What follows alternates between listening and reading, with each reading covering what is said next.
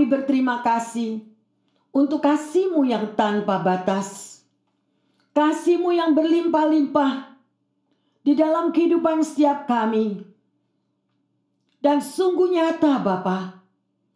Karena dengan kasih-Mu itu Engkau sudah korbankan dirimu di atas kayu salib. Untuk menebus segala salah dosa kami. Bapa, ajarkan kepada setiap kami pengorbananmu yang luar biasa itu. Biarlah kami mampu untuk membalas kasihmu. Sehingga kami mau hidup seturut dengan kehendakmu ya Bapa. Roh Kudus, urapi setiap hati kami. Urapi hambamu juga. Sehingga kami lebih mengerti Tuhan. Apa yang engkau mau ajarkan pada siang hari ini kepada setiap kami. Biarlah kami mampu membuka hati. Dan kami mau belajar. Mentaati apa yang engkau perintahkan. Karena itulah jalan keselamatan di dalam setiap kehidupan kami. Di dalam nama Tuhan Yesus. Hamba berdoa. Haleluya. Yang percaya semuanya mengatakan amin, amin, amin. Bapak, Ibu, Saudara-saudari yang terkasih di mana pun Anda berada dan juga semua jemaat ya yang disayang Tuhan. Ini adalah kesempatan yang luar biasa. Hari ini adalah hari yang indah di mana Tuhan dan kuasa roh kudus boleh menjamah setiap kami, setiap umatnya yang mencari akan kebenaran daripada firman Tuhan. Amin. Berbicara tentang kasih, kita semua tahu bahwa kasih itu adalah suatu pengorbanan. Ya. Jesus is love. Ya. Dia hanya memberi yang terkasih.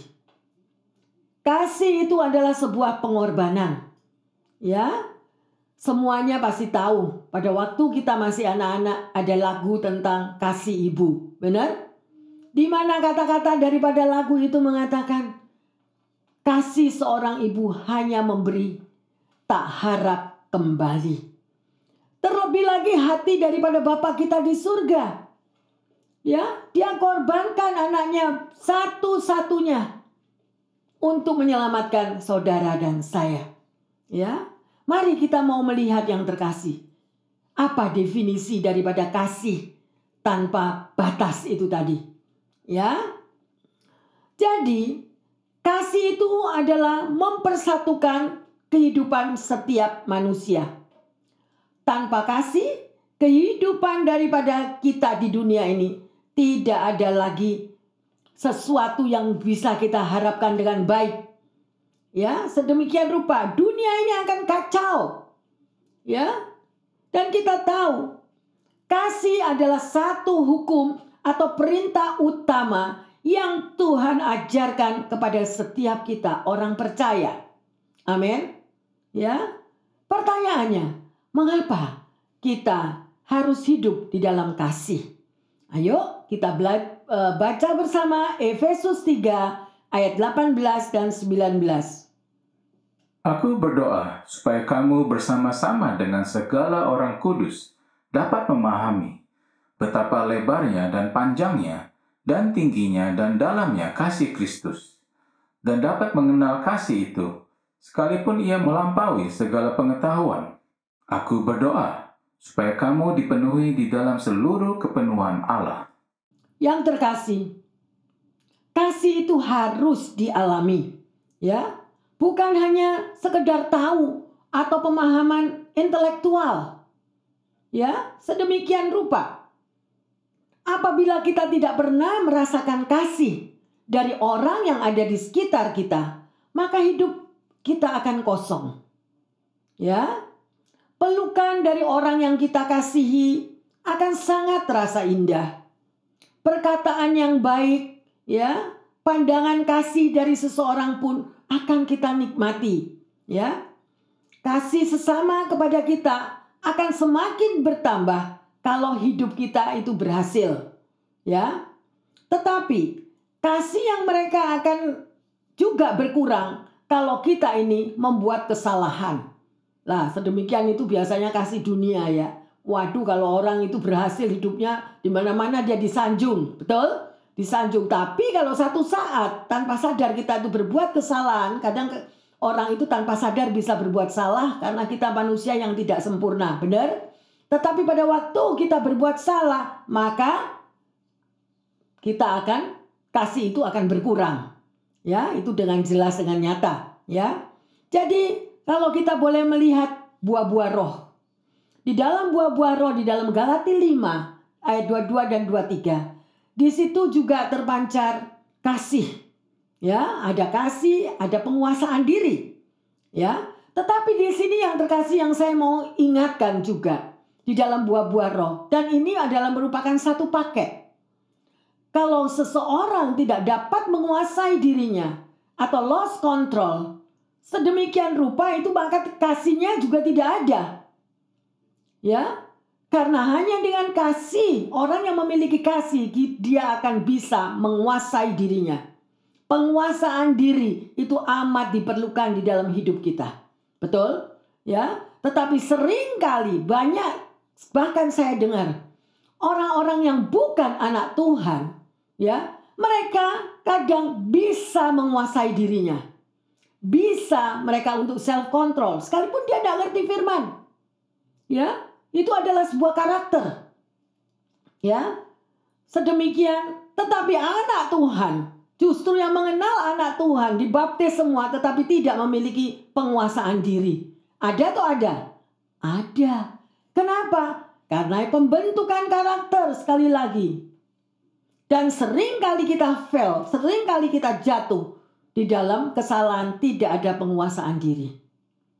Orang yang tidak bisa menguasai dirinya di mana-mana pun segala apa pun yang di, dia mau, dia tuju, dia mau berhasil akan terhambat. Berkat akan terhambat dan di mana-mana cuma ada pertikaian hanya karena lost control, hanya karena tidak bisa menguasai diri, selalu mau menang, selalu mau menjawab, diberi nasihat juga dijawab, diarahkan sesuatu yang baik juga nggak terima. Itu adalah kesombongan.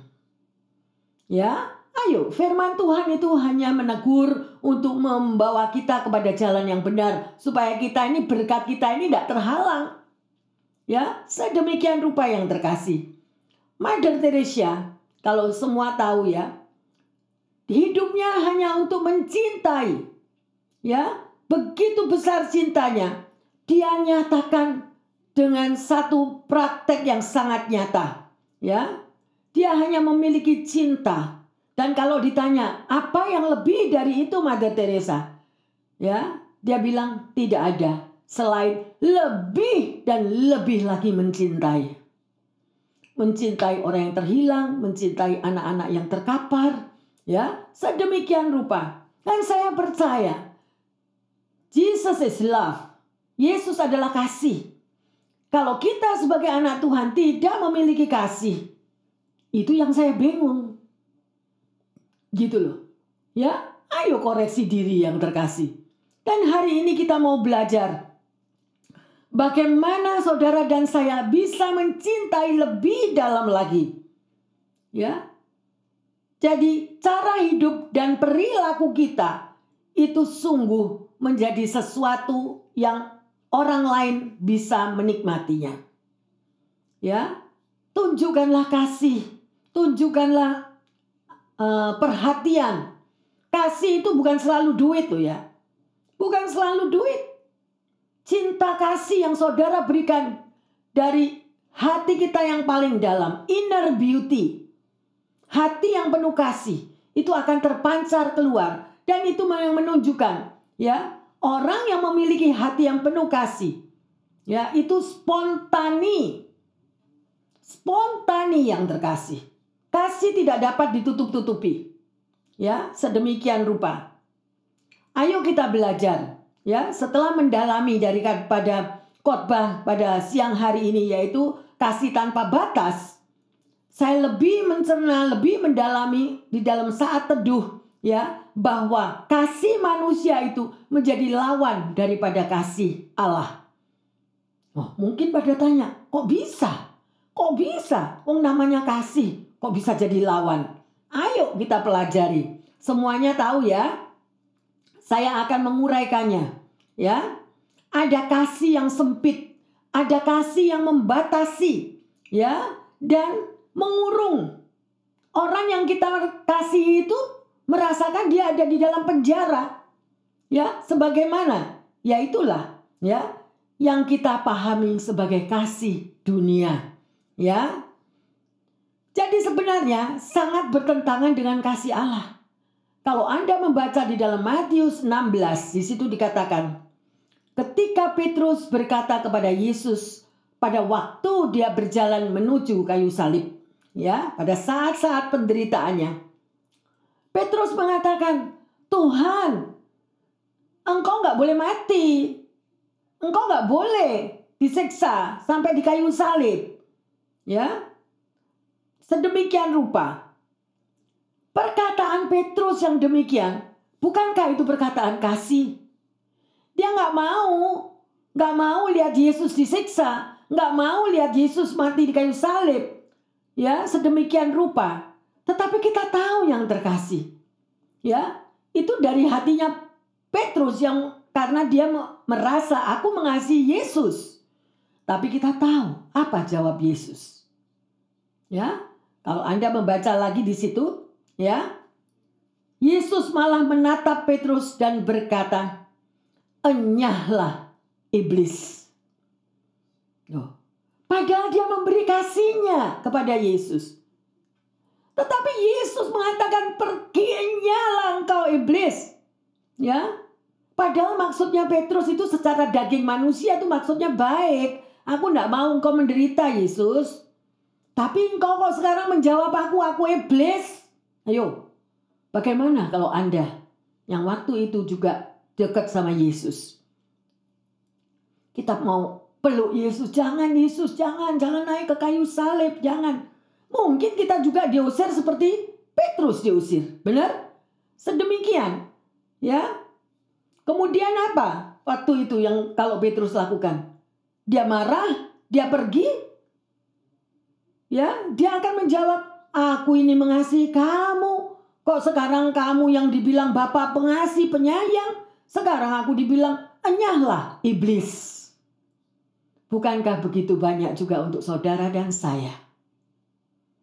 Pada waktu engkau dibimbing oleh mentormu, pada waktu engkau dituntun, ya sedemikian rupa, baik oleh guru maupun oleh orang tua semuanya, bagaimana reaksi kita? Ya, Sering kali tanpa kita sadari, perkataan yang keluar dari dalam diri kita nggak ada kontrol dan kita menyakiti orang lain. Petrus juga bilang, aku disayang kamu, Yesus. Kok aku dibilang iblis sekarang? Nah, kita belajar yang terkasih. Kita belajar lebih dalam lagi di sini. Ya, udah cukup Yesus, cukup. Aku nggak mau lagi deket-deket kamu. Nah, itu biasa reaksi manusia ya. Banyak sekali anak-anak Tuhan yang bersimpati juga kepada para pemberontak. Yang nggak ngertinya, mereka itu lagi dibentuk oleh Tuhan. Setiap daripada kita ini dibentuk loh karakter kita. Kita dikerat. Kita kan udah denger tau khotbahnya anak panah. Anak panah berapa minggu yang lalu itu dikerat, dihaluskan, dipasrah sedemikian supaya jadi anak panah yang tajam. Demikian juga kehidupan seorang anak Tuhan.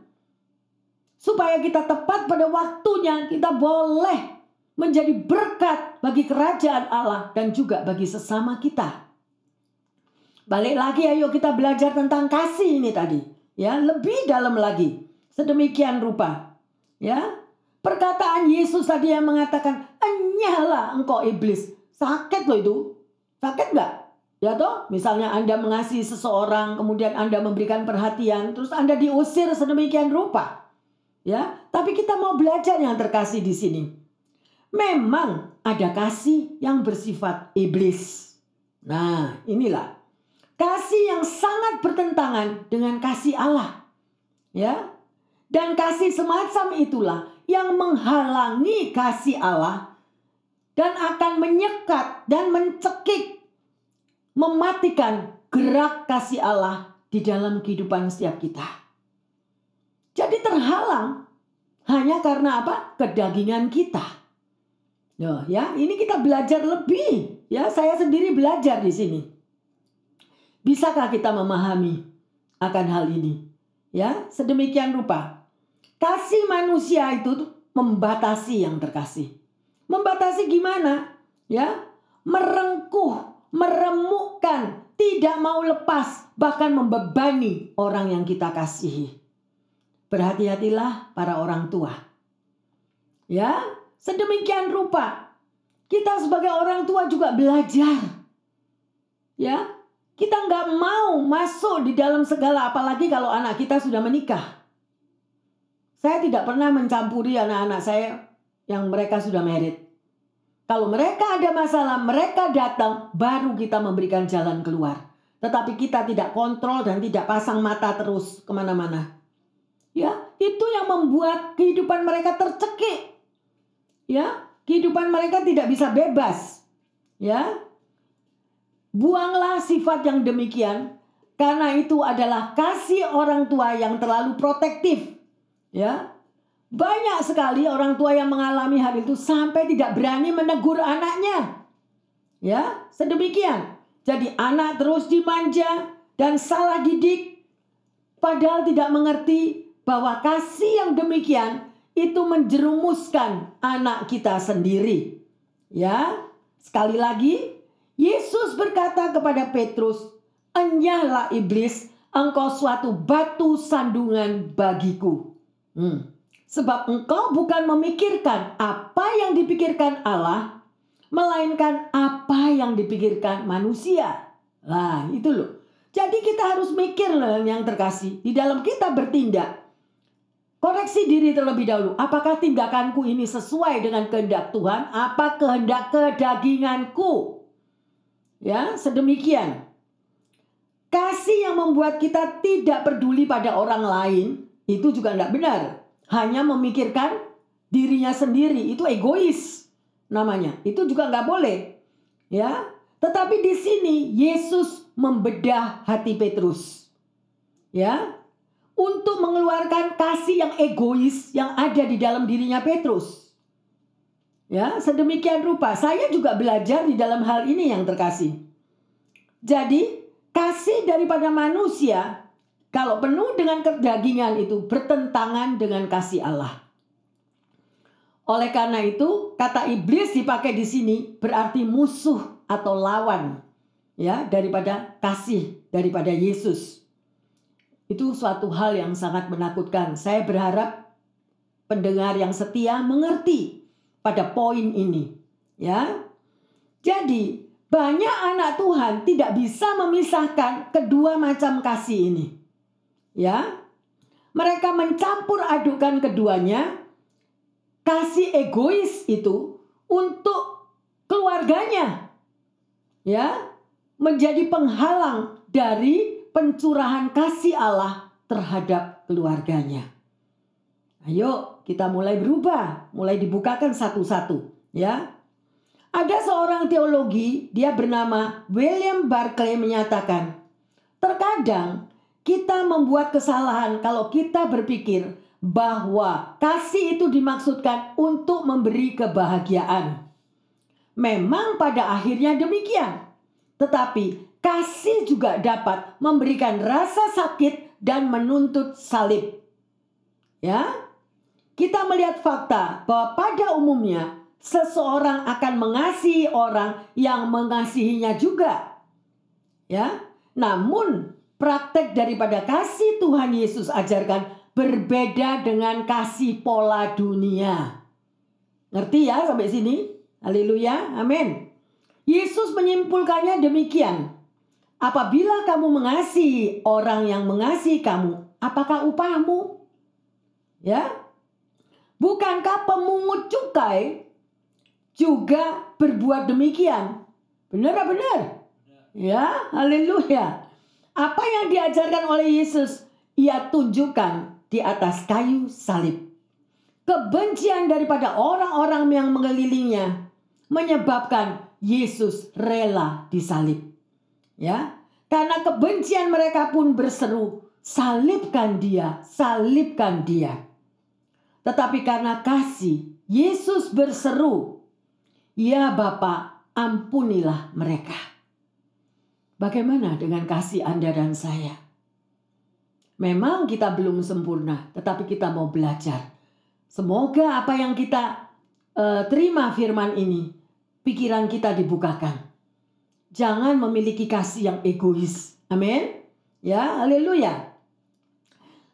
Sampai ada orang yang berkata ya, orang Kristen itu lebih bodoh, lebih on daripada orang dunia.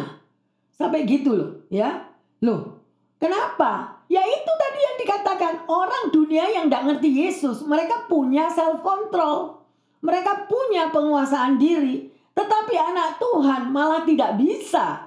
Saya tidak bilang semua, tapi ada orang-orang sekalipun anak Tuhan tidak bisa mengontrol dirinya. Ya, pernah ketemu? Haleluya. Ya, sedemikian ya.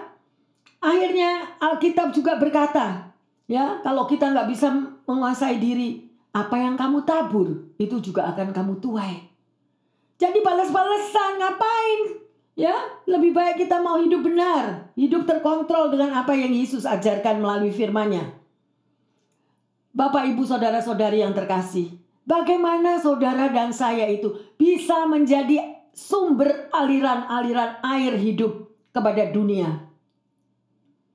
Ya, jika saluran kasih Anda dan saya itu tersumbat, dibatasi, tercekik sedemikian rupa, disempitkan atau dilumpuhkan oleh kasih yang egois. Kita nggak akan bisa menjadi aliran aliran air hidup yang penuh kasih. Ya, ayo kita berubah mulai saat ini, ya. Allah tidak bisa lagi bekerja melalui saudara dan saya ya dia tidak bisa bertindak. Selanjutnya apa yang terjadi? Secara perlahan dan semakin semakin lumpuh dan mati kasih Allah yang ada di dalam diri kita, sekalipun kita ini mengaku anak Tuhan. Tapi sebetulnya nggak ada kasih Tuhan di dalam diri orang yang sedemikian rupa. Yang ada adalah kasih egois, kasih kedagingan, tidak merasakan bahwa di tengah keluarganya ada yang tercekik, ada yang tersumbat, ada yang sampai gak bisa napas. Sekalipun mereka memikirkan aku memberikan kasihku, pengorbananku kepada keluargaku yang luar biasa, tetapi mereka tidak pernah melihat. Why? Karena ada something wrong. Ya, sedemikian rupa yang terkasih. Kita belum tahu bahwa kasih yang diberikan oleh Yesus adalah kasih tanpa batas. Ya, kasih yang tidak ada batasnya, kasih yang tidak terhingga. Ya, yang tidak terkurung oleh segala batasan manusia. Ya, dan tidak pernah Yesus mengatakan, "Ini punyaku, ini milikku." Ya, ini keluargaku, ini orang tuaku, ini anakku. Tidak ada itu. Ya. Tetapi anak-anak Tuhan banyak sekali atau apa yang kita pernah dengar Only me, I, mine. Me, me, me, me, me. I, I, I, I. Seperti tadi yang dibilang, apa bedanya kamu dengan pemungut cukai tadi? Kalau kamu mengasihi orang yang mengasihi kamu. Saya berharap di tahun ini bersihkan tanah hati kita untuk kita tetap mengasihi sesama kita saya teringat pada waktu murid-murid Yesus berkata kepada Yesus begini. Yesus, kamu dicari sama saudara-saudaramu dan ibumu. Apa jawab Yesus? Siapa saudaraku? Siapa ibuku? Mereka adalah orang-orang yang melakukan kehendakku.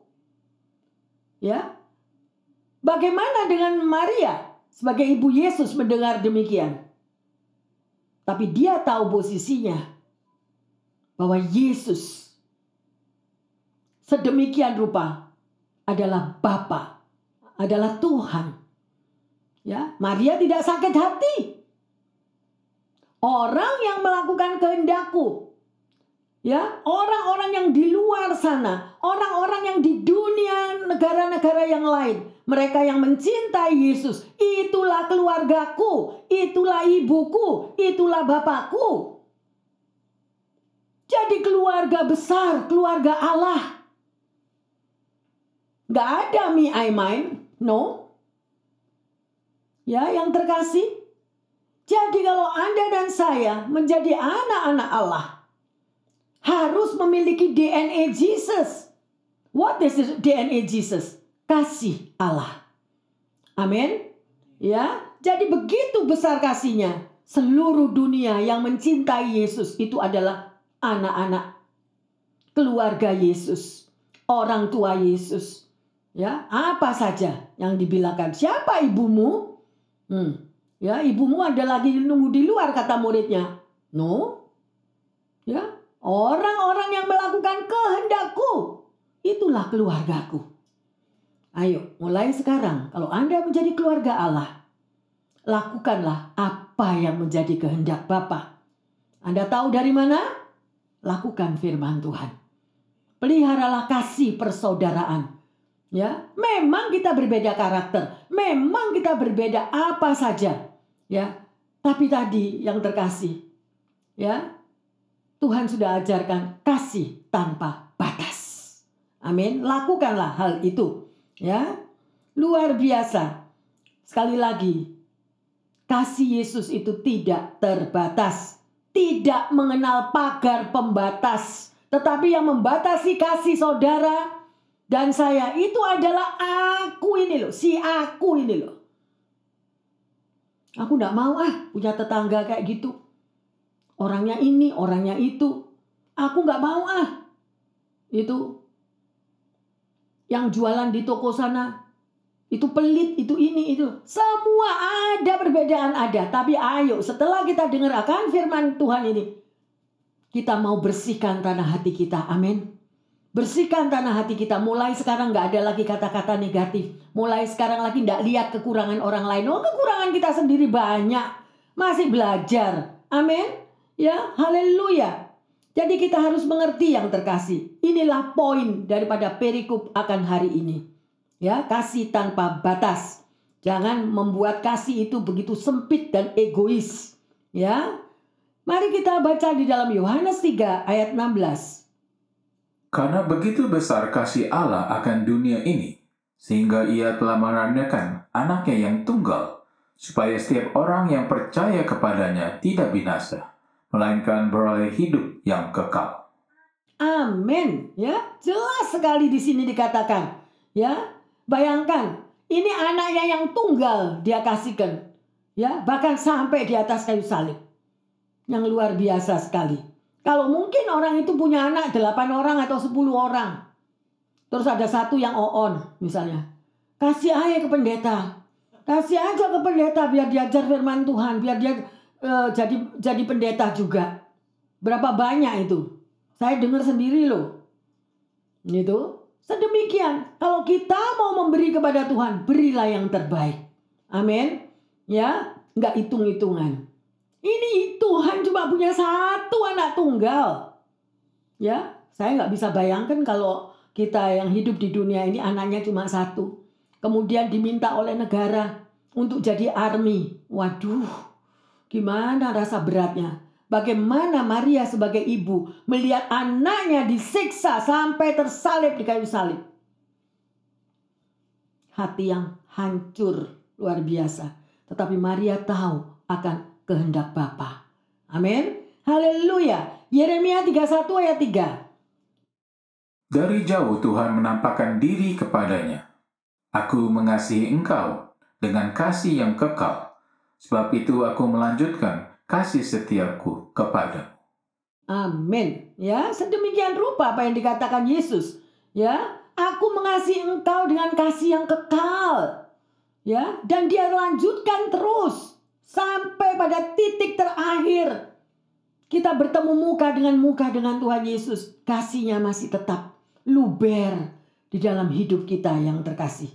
Ya, ada kisah yang sederhana Seorang cucu berkata kepada kakeknya, waktu dia melihat neneknya itu sudah Alzheimer, tidak sadar, sudah berbulan-bulan di rumah sakit.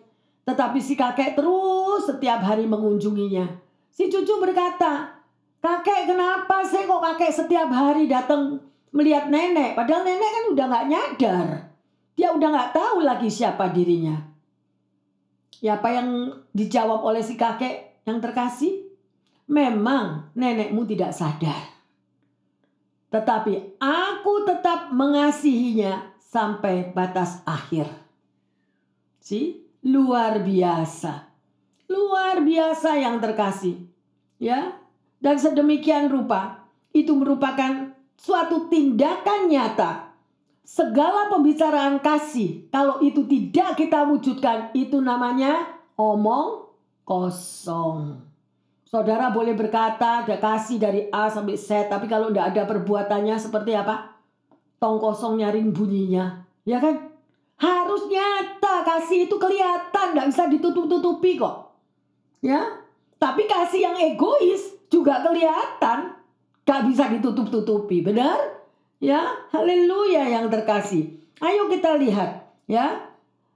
Kasih apa yang tanpa pamrih itu tadi, ya? Ada dua hal yaitu kekuatan kasihnya kita baca di dalam Roma 5 ayat 6 sampai 8. Karena waktu kita masih lemah, Kristus telah mati untuk kita, orang-orang durhaka pada waktu yang ditentukan oleh Allah. Sebab tidak mudah seorang mau mati untuk orang yang benar, tetapi mungkin untuk orang yang baik, ada orang yang berani mati. Akan tetapi Allah menunjukkan kasihnya kepada kita oleh karena Kristus telah mati untuk kita ketika kita masih berdosa. Amin.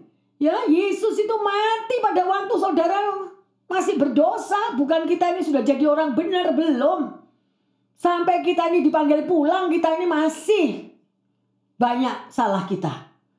Benar? Tetapi kasih Bapa tidak dapat apa? dipatahkan.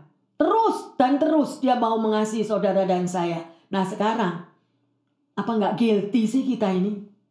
Masa tiap hari mau dosa terus? Masa tiap hari mau egois terus? Hidup di dalam kasih yang egois itu tidak berkenan di hadapan Tuhan. Oleh karena itu firman-Nya dinyatakan, ya. Kasih Yesus itu adalah kasih yang kuat yang terkasih. Ya, objek yang dikasih bukan orang benar loh. Objeknya adalah kita orang yang berdosa, benar? Ayo kita lanjut. Ya, yang kedua, Sakaria 7 ayat 9. Beginilah firman Tuhan semesta alam. Laksanakanlah hukum yang benar dan tunjukkanlah kesetiaan dan kasih sayang kepada masing-masing. Kepada siapa yang terkasih? Masing-masing. Ya. Kalau di dalam diri kita ayo koreksi diri kepada masing-masing itu berarti kepada setiap orang. Nggak pakai batas-batasan. Nggak pakai menjauh-menjauhan. Ada atau ada? Sering lihat ini. Ya, sedemikian rupa yang terkasih.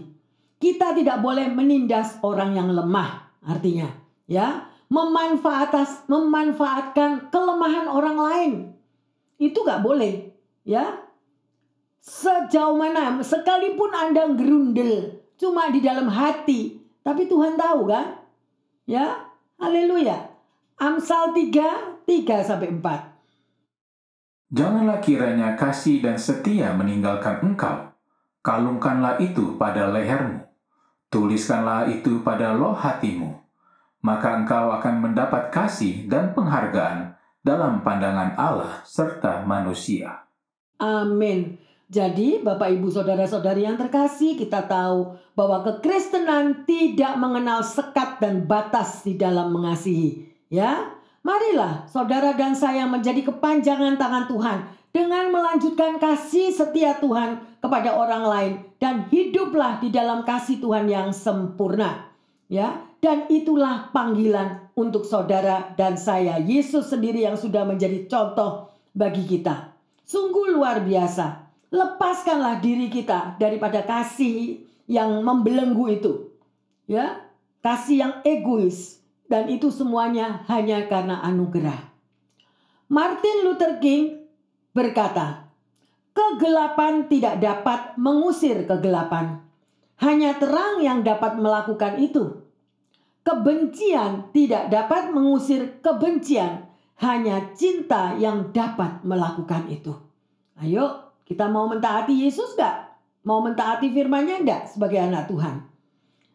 Hari ini Bapak Ibu Saudara-saudari pendengar yang setia serta jemaat, kita sudah belajar kasih tanpa batas. Pertanyaannya, apakah kita sering merasa sulit untuk mengasihi seseorang? Ya, bagaimana prinsip mengasihi yang diajarkan oleh Tuhan Yesus? Yang kedua, Bagaimana cara agar kita bisa mengasihi walau kita harus terluka? Ya, dan sebagai ayat emas, ayo kita baca di dalam 1 Yohanes 4 ayat 7 dan 8. Saudara-saudaraku yang kekasih, marilah kita saling mengasihi, sebab kasih itu berasal dari Allah, dan setiap orang yang mengasihi lahir dari Allah dan mengenal Allah. Barang siapa tidak mengasihi, ia tidak mengenal Allah, sebab Allah adalah kasih. Amin. Haleluya. Ya, jadi yang terkasih, mintalah akan kasih Kristus itu. Tinggallah di dalam kasih itu dan pilihlah untuk mengasihi meski harus membayar harga yang begitu berat. Ya, sebab jika kita saling mengasihi, Allah akan tetap tinggal di dalam diri kita dan kasihnya sempurna di dalam kita. Sungguh luar biasa Bapak Ibu pendengar setia di mana pun Anda berada. Mari ya kita sudah belajar hari ini tentang kasih tanpa batas. Bapa di dalam surga kami bersyukur dan berterima kasih. Kami boleh belajar Tuhan akan kasih-Mu yang tanpa batas. Ampuni segala dosa dan kekurangan kami. Ampuni segala apa pun yang kami tidak mengerti di dalam hidup ini. Bahwa kami memiliki kasih yang egois ya Tuhan. Kami memiliki kasih hanya untuk memuaskan daging kami sendiri. Tuhan sekali lagi ampuni. Bukakan mata dan hati kami Tuhan. Agar kami mengerti apa yang engkau firmankan Tuhan. Sehingga kami boleh diubahkan. Bahwa kasihmu yang tanpa batas itu. Engkau pun mengasihi orang-orang yang penuh dosa. Engkau pun mengampuni segala kesalahan daripada mereka Tuhan. Yang diperbuatnya tanpa sadar ataupun sadar. Buka hati kami Tuhan. Agar kami juga mampu mengampuni orang-orang yang menyakitkan di dalam hidup kami. Beri kami kekuatan ekstra. Berikan kami kuasa pengampunan itu Tuhan sehingga kami boleh mengasihi mereka-mereka dengan kasih tanpa batas. Terima kasih Allah Roh Kudus. Engkau adalah Bapa yang baik. Engkau adalah Bapa yang sempurna. Biarlah firman yang sudah ditaburkan itu terus berbicara di dalam hati dan kepikiran kami. Berakar dengan sungguh-sungguh kuat Tuhan. Sehingga kami boleh mengasihi orang-orang bahkan musuh-musuh kami.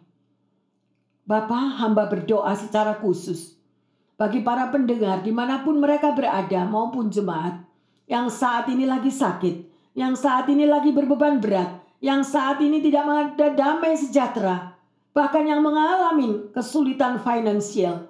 Tuhan, Engkau adalah Bapa pembuat mujizat. Engkau adalah Tuhan yang senantiasa mampu memberikan jalan keluar, bahkan Engkau mampu menyembuhkan setiap mereka yang sakit. Darahmu berkuasa Tuhan. Darah Yesus. Kepada siapa pun saat ini mereka terbaring sakit. Bahkan di dalam sakral maut pun Tuhan. Engkau mampu membebaskan mereka dari segala roh-roh maut itu. Terima kasih Bapa. Terjadilah atas kehendakmu. Kami percaya dan kami pegang satu hal. Bahwa engkau tidak pernah merancangkan kecelakaan bagi umatmu. Tetapi rancangan hari depan yang gilang gemilang. Terima kasih Bapak, terima kasih untuk firman yang luar biasa. Akan kasih Bapak yang tidak terbatas. Di dalam nama Tuhan Yesus, hamba berdoa dan mengucap syukur. Yang percaya dan sudah menerima pengorbanan Yesus disalib karena kasihnya yang besar. Untuk saudara dan saya mengatakan, amin, amin. Bapak, Ibu, Saudara-saudari yang terkasih, mintalah kasih Kristus untuk selalu memenuhi di dalam kehidupan kita. Sehingga kita bisa tetap tinggal di dalam kasih dan pilihlah mengasihi terus menerus sekalipun harus membayar harga. Demikianlah sabda Tuhan. Yang percaya mengatakan amin, amin, amin, amin.